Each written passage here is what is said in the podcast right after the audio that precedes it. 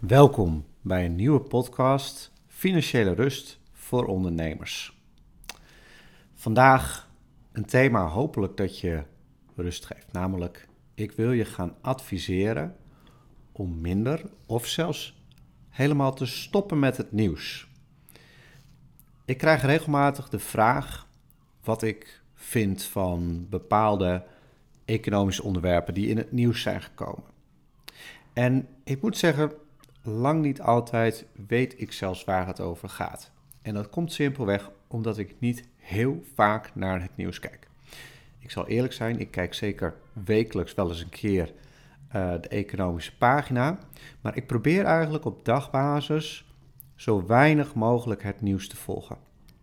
Um, en naast het feit dat je dan geen krantenabonnement nodig hebt, wat natuurlijk een financieel voordeel is, heeft dit nog veel meer andere voordelen. En dat wil ik heel graag met je gaan delen in deze podcast. Um, als eerste iets over, nou ja, misschien iets wat uh, niet heel tastbaar is, maar je mindset.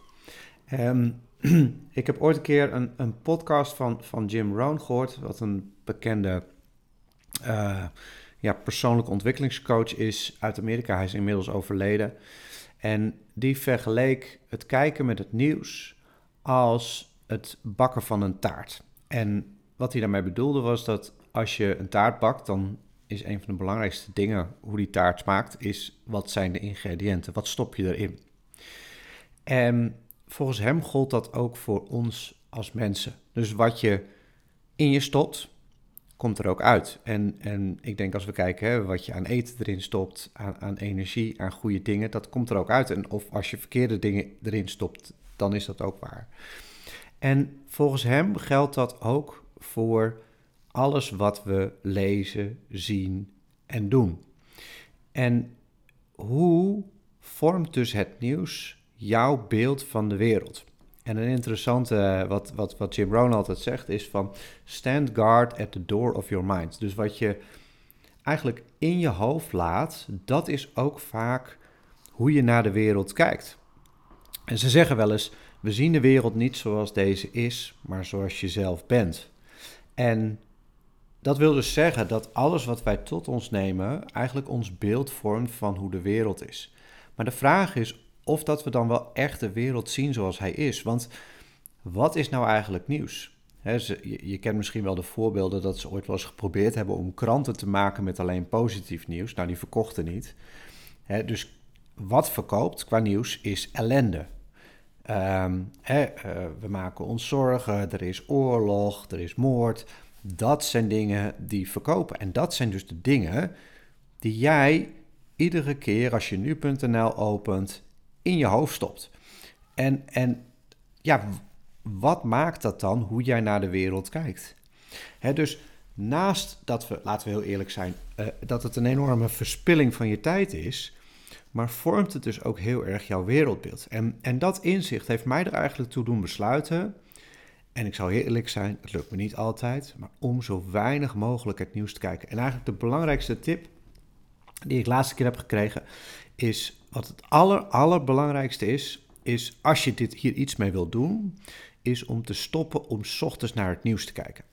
En dat helpt al echt enorm. Dus als je al het nieuws gaat kijken, als je wil, wil, daarin wil minderen, doe het dan s'avonds. Uh, maar ga er niet mee starten. Start s ochtends niet met, met alle berichten die er zijn. Hè, dus, uh, en ik denk ook altijd van, nou, als je nou eens de tijd die we op onze telefoons zitten Hè, die, die ontzettende waardevolle tijd. Als we die nou eens gaan besteden aan dingen die echt belangrijk zijn voor ons. Wat, wat een verschil zou dat maken in je leven? Nou, dat even het, misschien de mindset rondom het nieuws. Maar dan ook, wat is dan de waarde van het nieuws? Hè? Want wat, wat haal je daar dan uit? En je zou kunnen zeggen, voor mij als financieel planner, ja, dan is het echt super relevant wat daar in het nieuws gebeurt. Hè? Dus uh, bijvoorbeeld afgelopen weken was natuurlijk uh, in eerste instantie een aantal banken in Amerika die in de problemen kwamen. Vervolgens nu een Zwitserse bank. En ja, de, de, de, de kranten staan er uh, vol van, hè, van. Van eigenlijk het drama van 2008 krijgen we een herhaling daarvan. Nou, uh, na dat drama kwam vervolgens uh, dat de centrale banken instapten. Dat deden ze te traag, te langzaam, weet ik veel het allemaal. Maar vervolgens, nou, ehm, het probleem is weer opgelost. De crisis is weer klaar en we kunnen weer lekker verder gaan slapen. Maar is dat nou werkelijk zo? Want we weten eigenlijk, en we voelen ook onderhuids wel, dat er, dat er misschien wel iets meer aan de hand is. Maar, nou ja, wat is er nou aan de hand? Maar dat krijgen we niet te zien door het nieuws te lezen. Als we het nieuws lezen, dan kijken we eigenlijk op een soort van microniveau naar wat er in onze wereld gebeurt, wat er in onze tijd gebeurt. Het probleem is dus ook dat we geen perspectief hebben. En het echte perspectief um, wordt heel vaak niet door het nieuws gegenereerd. Soms wel, hè, want je hebt natuurlijk soms wel echt goede documentaires Dingen die, waar echt goed dingen uitgezocht zijn en vaak over langere tijd ergens naar gekeken worden. En, en dat is natuurlijk uiteindelijk vaak veel waardevoller. Ik denk ook daarom dat bijvoorbeeld een podcast heel waardevol is, omdat dat je ook perspectief geeft. Het is niet de nieuwste hit, maar, maar je kan rustig de tijd nemen om uh, experts te luisteren, mensen die ergens iets over te zeggen hebben waar jij iets over wil weten en daardoor krijg je perspectief. Nou, als ik dus ook kijk naar het economisch nieuws, dan doe ik dat, zoals ik het zelf liefste zeg, vanuit een soort van space shuttle. Ehm, eigenlijk gewoon van heel ver af. Want wat ik heb geleerd over, ehm, als je kijkt naar uh, economie, politiek, sociale problemen, uh, zelfs epidemieën zoals de corona-epidemie, dan is dat dat als je kijkt naar de geschiedenis, is dat uh, er continu dit soort problemen die er ontstaan, dat die zich herhalen. We hebben allemaal geleerd op school dat de economie, uh, dat je recessies hebt en dat je dan volgens een sterke opleving hebt en dat het een soort golven zijn die continu komen en gaan. Maar er, er zijn nog veel meer andere golven. En die golven, die, die lijken heel erg op hoe mensen zijn. Dat is wel, vind ik altijd wel een mooie analogie. Hè? We worden als mens geboren. En, en dan zijn we in eerste instantie nog wat hulpeloos. En vervolgens groeien we op, leren we worden sterke mensen. We zijn in de kracht van ons leven en we groeien, we ontwikkelen. En op een gegeven ogenblik, dan komt er een tijd waarop dingen minder worden. Waar we klachtjes krijgen. Uh, we worden ouder. En, en op een gegeven ogenblik zet natuurlijk de aftakeling in. En vervolgens komen we daar weer bovenop, komt weer een nieuwe generatie en dan gaat de golf weer van voor af aan beginnen. En als je met een groter perspectief naar de wereld kijkt, dan zie je dat op, op economisch vlak dat dit een, een waarheid is, uh, maar ook bijvoorbeeld op politiek vlak. He, als je kijkt naar de, de versnippering die er nu is, het populisme in de politiek, dat is iets wat in de geschiedenis vele malen is voorgekomen. Um, ook de sociale problemen die we op dit moment zien. Het grote verschil tussen arm en rijk is heel veel vaker voorgekomen. Epidemieën is iets waar onze wereld uh, bol van staat. Er zijn regelmatig epidemieën gehad die enorme impact hebben gehad op hoe we samenleven en, en, en op onze economie en op ons natuurlijk uh, welzijn. En dus wat je ziet is dat als je met meer perspectief eigenlijk kijkt naar hoe de wereld werkt, en dat perspectief is bij mij eigenlijk ontwikkeld doordat ik daar vooral veel tijd aan heb besteed aan het lezen van boeken over geschiedenis, over hoe de economie werkt, over hoe zaken in elkaar zitten. En dan is voor mij het nieuws alleen af en toe een indicatie van, goh, waar zitten we? En wat je dus ziet is dat een crisis meestal een teken is van neergang. Er zijn veel tekenen natuurlijk vaak nodig. En één crisis, dat, dat maakt nog niet dat we volledig in neergang zitten. Maar je ziet dat er bepaalde ontwikkelingen zijn die duiden op nou ja, de neergang van bepaalde economieën, bijvoorbeeld van de westerse economie, van de Amerikaanse economie. En wat dat mij vertelt, is dat we eigenlijk weer op een punt zitten waar we in het verleden ook heel vaak hebben gezeten. En hoe ik daar vervolgens dan iets mee doe voor bijvoorbeeld mezelf en mijn klanten, is door eigenlijk te kijken van oké, maar wat zijn dan de lessen uit het verleden die we kunnen leren? Welk inzicht heeft dat ons gegeven, zodat we nu eigenlijk betere beslissingen kunnen nemen? En als we natuurlijk betere beslissingen kunnen nemen, dan kan je uitkomen op betere resultaten. En als ik dus specifiek kijk naar ehm, bijvoorbeeld een, als ik voor klanten een, een financieel plan maak, ehm, dan wordt natuurlijk in de basis een financieel plan afgestemd op, op wie je bent. Wat je, wat je doelen zijn, wat je graag wil bereiken in het leven, wat je belangrijk vindt. En vervolgens kijken we van, goh, hoe kan je je geldzaken dan zo goed mogelijk gaan gebruiken, zodat dat je eigenlijk uh, de grootste kans hebt om dat doel te gaan bereiken. Maar om dat doel te bereiken, gebruiken we natuurlijk bepaalde aannames. En die aannames, die hebben te maken dus met dat grotere plaatje. En de valkuil die we dus heel vaak maken, is als we een te klein perspectief hebben, als we te veel kijken naar de waan van de dag. Maar zelfs bijvoorbeeld als we kijken naar de laatste 40, 50 jaar, dan laat de geschiedenis ons eigenlijk zien dat de laatste 40, 50 jaar niet representatief zullen zijn, waarschijnlijk voor de komende 40, 50 jaar. Want misschien lijkt de vorige, hè, de komende 40, 50 jaar, lijkt misschien wel veel meer op wat er bijvoorbeeld aan het begin van de vorige eeuw is gebeurd. En nou wil ik niet zeggen dat er oorlog komt, laten we het hopen van niet.